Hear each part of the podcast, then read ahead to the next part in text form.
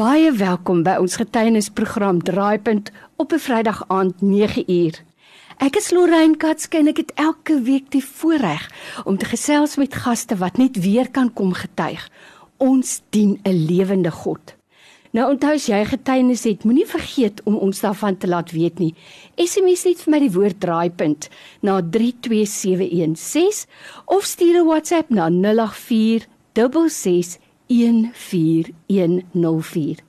Draaipunt word weer herhaal op 'n Sondagmiddag 06:30. By my in die ateljee vandag het ek vir Alicia en Erik Leemkil en haar verhaal is een wat regtig vir my amper in trane gehad het. So Alicia, ek wil net vir jou sê baie welkom en dankie dat jy moeite gedoen het om ook jou verhaal met ons te kom deel. Bly jy's hier. Lorraine, baie baie dankie vir hierdie groot voorreg. Ehm um, soos wat jy gesê het, ons dien 'n goeie en ons dien 'n lewendige God. Amen. Nou Alicia, jy was ook in 'n stadium op 'n punt. En ek dink dis elke ouer, veral elke voornemende en nuwe splinte nuwe ouers se ergste vrees mm. dat daar vir jou gesê word Hier is dalk fout met die ongebore baba. Vertel ons julle verhaal, waar begin dit? Sjoe, um, ek was seker so 5 maande swanger. Ek was by 'n ginekoloog gewees en sy doen toe die ondersoek. Sy was toe besig met die metings van ons babatjie en sy naam is Nathan. En uh ons was verskriklik opgewonde. Ek onthou ek het nog op die bed gelê en sy doen al die metings en op 'n tyd moes sy toe sy koppie meet. En sy sê toe vir my sy gaan 'n interne besoek moet doen want hy lê verskriklik laag en ek dink toe nog ag Nathan jy gaan betaal vir hierdie enetjie.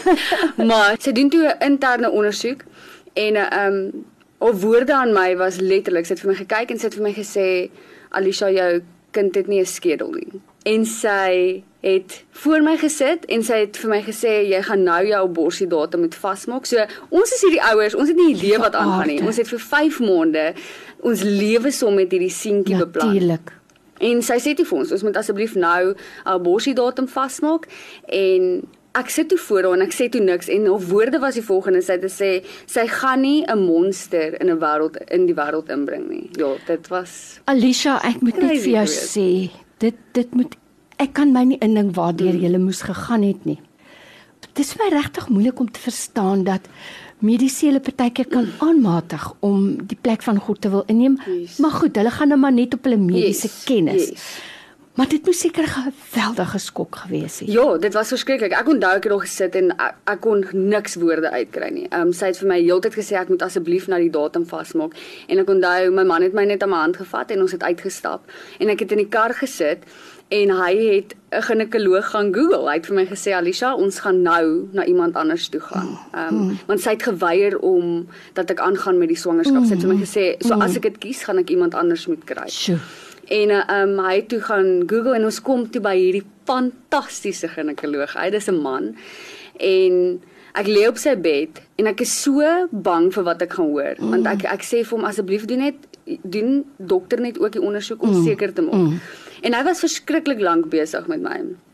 Hy het die sonaar gevat en hy het oral gekyk en ek onthou ek het earphones in my ore gehad en ek was besig om worship musiek te luister. Prys die Here. En uh, um, ek lê daar en hy vat net my hand en hy skud sy kop en ek het al wat uit my mond uit gekom het is ek het gesê Jesus, Jesus, Jesus. Ek kon nie enigiets anders mm, sê mm, as sy naam mm, nie. Dis mm, al wat kon uitkom. Mm. En ehm um, hy het toe na die tyd met ons gesit en hy het vir my gesê Alisha, as jy my dogter was, het ek vir jou gesê om te aborteer want dis die maklikste.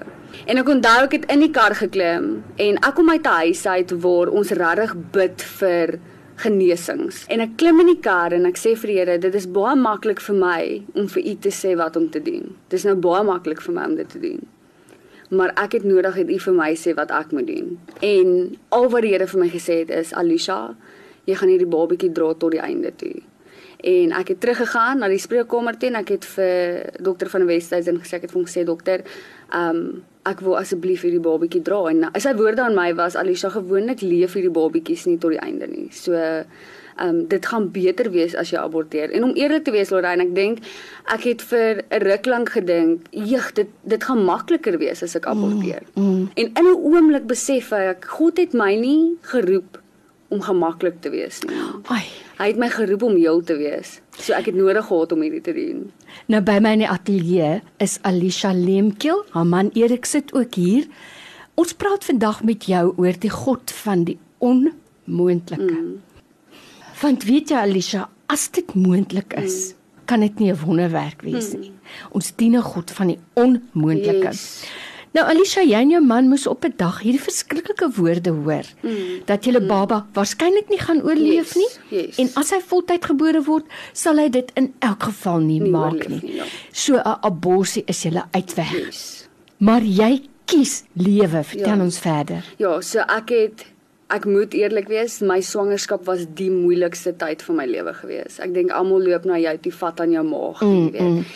En jy ek dink wat vir my baie erg was, ek het een keer in Ackerman sien die baby grow gesien en ek loop in en ek vat die baby grow en ek sê vir myself but why? En ek loop weer uit. En dit was dit was die moeilikste ding vir my gewees om te doen, maar wat amazing was, vandat ek die besluit gemaak het dat ek gaan hierdie babatjie dra het die Here vir my ons seentjie se persoonlikheid kom wys. Ag, Dit was awesome geweest. Sjoe. Ek kan nie eers dit beskryf nie, maar dit is asof die Here vir my sy hele lewe kom gee het in hierdie tyd wat ek Sjoe. swanger was. Vir my Sjoe. kom sê dis hoe hy dink. Dit is waarvan hy hou. Dit is wat Oh, hy wow. Ja, dis hoe hy dink. En So ek kon sy hele persoonlikheid kon ek deur my swangerskap net ervaar het. Van daar af nou soos jy nou sê, dis 'n moeilike paadjie nê. Almal wens jy geluk en wanneer kom die baba? Mm. En jy en God is besig met 'n proses. Yes. So vertel ons hoe loop dit end uit? Okay, so die proses wat toe plaasvind is ek was baie eerlik met die Here gewees. Ek het vir hom gesê ek weet nie wat gaan ek doen as ek hoor dat my seentjie oorlede is nie, want hy kan hom genees. But I know that wasn't the promise he made me. Mm. En ek moes okay gewees het met dit. En ek sê toe vir die Here, so ek weet eerlikwaar nie of ek gaan wegstap van hom af nie. Ek weet nie. En ek is nogal iemand, ek kan myself vinnig wip, jy weet. Ek mm, mm, ek hou nie van hierdie airy fairy goed nie. En ek lê op die bed en hier word my seentjie gebore. En toe hulle hom in my arm sit, toe het ek in 'n oomblik genesing ervaar. Dis asof die Here my obedience so kom honor het Oh, wow. dat toe ek hom vashou, toe voel dit of ek glad nie uitgemis het op sy lewe nie. Dit voel dit voel of ek dit voel nie asof ek hierdie arme babietjie vas het nie. Dit voel of ek hierdie man van God vas. Dit was amazing geweest wat die Here kom doen het en toe Erik vir my sê Alicia ons seentjie is oorlede, het ek al wat uit my mond uit gekom het was dankie Jesus. Dankie mm. dat Jesus vir my seentjie ook dood gegaan het. Mm, dankie dat U amen. hom so liefhet dat sy calling stop nie omdat hy oorlede is nie, maar dit gaan aan. Hy stap elke liewe dag in sy calling in. En wat vir my wonderlik is van julle verhaal en dit is ook my verhaal is ons bid vir 'n volkomme genesing yes. in 'n onvolkomme wêreld. Yes. Maar God verhoor ons gebed in volkomeheid. Yes. Want jou kind is volkome Yes, genees. definitief. Hy leef vir ewig. Yes. Daar gaan 'n weersien wees. Yes, definitief. Weet jy, ek voel tog vandag vir jou sê Alicia, jy het gekies om saam met God die paadjie end uit te loop. Mm, mm. Het dit dalk geëindig by 'n abortus? Het 'n mens dalk 'n ander ervaring yes. van onvolkomeheid Ja. gehad? Ja. Maar nou het jy die vreugde om te mm. weet, my kind, die een, onthou ek sê ook altyd, nee, ek het 3 kinders. En oor die enetjie se siel hoef ek nie meer te bekommer Ja. nie. Hy's klaar veilig Awesome. in die Vader se huis. Dis maar altyd 'n pad wat gestap moet word. Ten minste van een is jy nou seker Nee, en hy's veilig. Vertel ons vir jou vir ons van die res van jou gesin. So wat awesome is, ehm um, toe ek geboorte gee, het my pa die volgende vir my kom sê en dit het soos jeg het dit my hart aangeraak. Hy het vir my gesê Alicia, dankie dat Nathan nooit vrees hoef te beleef het. nie. Amen. Dankie dat Sjoe. hy net liefde kon beleef mm. en dat jy bereid was om vir hom 'n geboorte te gee waar hy veilig kon wees. Ag, en dit dit het soos my hart nie? so geruk Sjoe. om te weet dis wat in my pa se hart leef. Dat Ja. hy kyk na my en hy hy honor my Ja. dat my seentjie nooit bang hoef te gewees het nie. Um en ek dink dit is iets waaraan ek ook vashou. So my ma wil nog steeds so graag 'n ouma wees.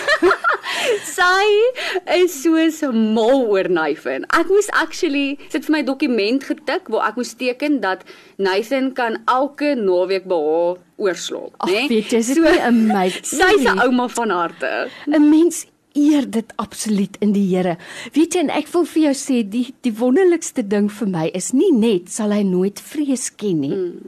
Maar die wonderlikste vir my is dat daar iemand is wat vir jou wag. Ja, ja.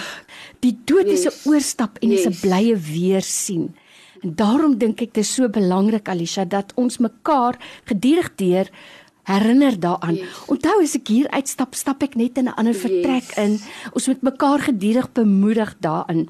En ek wil tog vir jou nou vra as 'n ouer wat die pad gestap het om een kind al af te gee in die Here se huis van waar hy van waar hy hom geleen gekry het vir 9 maande. Awesome. As daar nou 'n ouer is vandag wat daai pad geloop het, watse bemoediging het jy? Of 'n ouer wat tans met daardie pad Yes. stap, watse bemoediging het jy vir so 'n ouer? Sjoe, ehm um, Lorraine, ek dink ietsie wat ek van God gesien het, wat ek nooit geweet het nie, is in hierdie tyd was my God saam met my gebreek gewees. Oh, wow. Hy het nie vir my gewag aan die einde van genesing Mm, mm, en aan die einde jou van julle nie. Ehm um, daar was tye wat hy voor my was en hy was 'n gebroke God. Oh, wow. En ek dink dis iets wat ek sal aan vashou dat my God sê nie net Alisha kom staan op ons moet aangaan nie. My God lê saam met my en hy huil saam met my. Eintlik wil ek sê ek glo vandag dat die Here toelaat dat ons deur sekere seisoene gaan. Want iewers op jou pad lê daar vir jou en jou man dalk 'n bediening Yes. voor. En 'n mens moet jou oë en ore oop hou daarvoor want daar's baie ouers wat nog nie geestelik sterk Yes. genoeg is om hierdie pad te stap nie. Ja. En dan kan 'n mens so 'n ouer by die hand vat en sê, "Kom ek loop saam met jou, Ja. want ek het die pad Yes. gestap." Julle twee is 'n bemoediging vir my vandag. Twee Sure. jong mense wat waarlik waar net vir my weer my geloof kom versterk het. Ek wil tog nou net vra ten slotte. As daar nou ouers is wat met julle wil gesels of dalk wil 'n gemeente julle uitnooi om julle verhaal te kom deel, want julle verhaal is vir my ook 'n verhaal van hoop. Sjoe. Ja, absolute verhaal van hoop. As jy bereid is om dit te doen, kan mense julle kontak en waar? Yes, definitief. Ehm um, jy kan vir my mail by alisha@agsbalwil.com of jy kan my 'n WhatsApp stuur op 073 758 3267. En ek herhaal dit net weer, dit is 073 758 3267 of jy kan vir my mail by alisha@agsbalwil.com. Julle twee, Alisha en Erik het my geloof kom versterk vandag en net weer vir my die waarheid huis toe gebring. God stap saam met ons en waar ons sit en huil, sit en huil hy saam met ons. Hy laat ons werklik nooit alleen nie. Yes. Dankie vir die getuienis Ag, vandag. dankie Lorraine vir hierdie groot voorreg.